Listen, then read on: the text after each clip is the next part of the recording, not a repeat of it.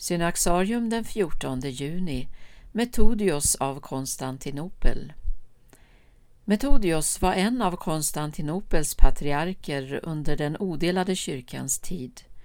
Född och uppväxt i en välbärgad familj på Sicilien sändes han av sina föräldrar till Konstantinopel för utbildning.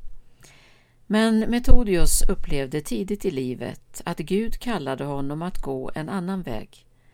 Han inträdde i ett kloster i Betynien där han så småningom blev abbot.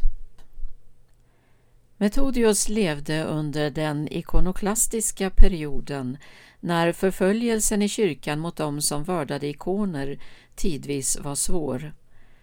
Trots att det sjunde ekumeniska konciliet i Nicea år 787 hade avvisat ikonoklasmen hade dess företrädare fått nytt inflytande genom kejsaren som lyssnade till dem som ville bannlysa bruket av ikoner. Metodius drabbades själv av förföljelsen och blev frihetsberövad under flera perioder. I sju år satt han fängslad i en grotta på ön Antigonas tillsammans med två banditer. Efter kejsar Theofilos död hamnade ledarskapet i Bysans hos kejsarmodern Theodora, en varm anhängare av ikoner.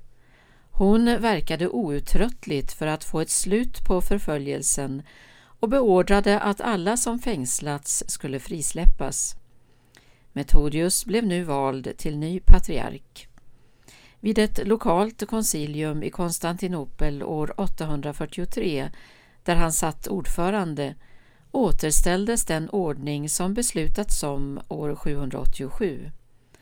En särskild dag för årligt firande av ortodoxins seger inrättades och firas fortfarande första söndagen i fastan i ortodox tradition. Metodius fick under sina sista år leva och verka i frid.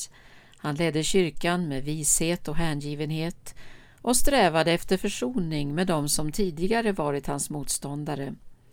Hans andlige vägledare var munken och profeten Janikos som hade förutsagt att Metodios skulle bli patriark men också när tiden för honom var inne att lämna denna världen. Metodius insomnade den 14 juni år 847.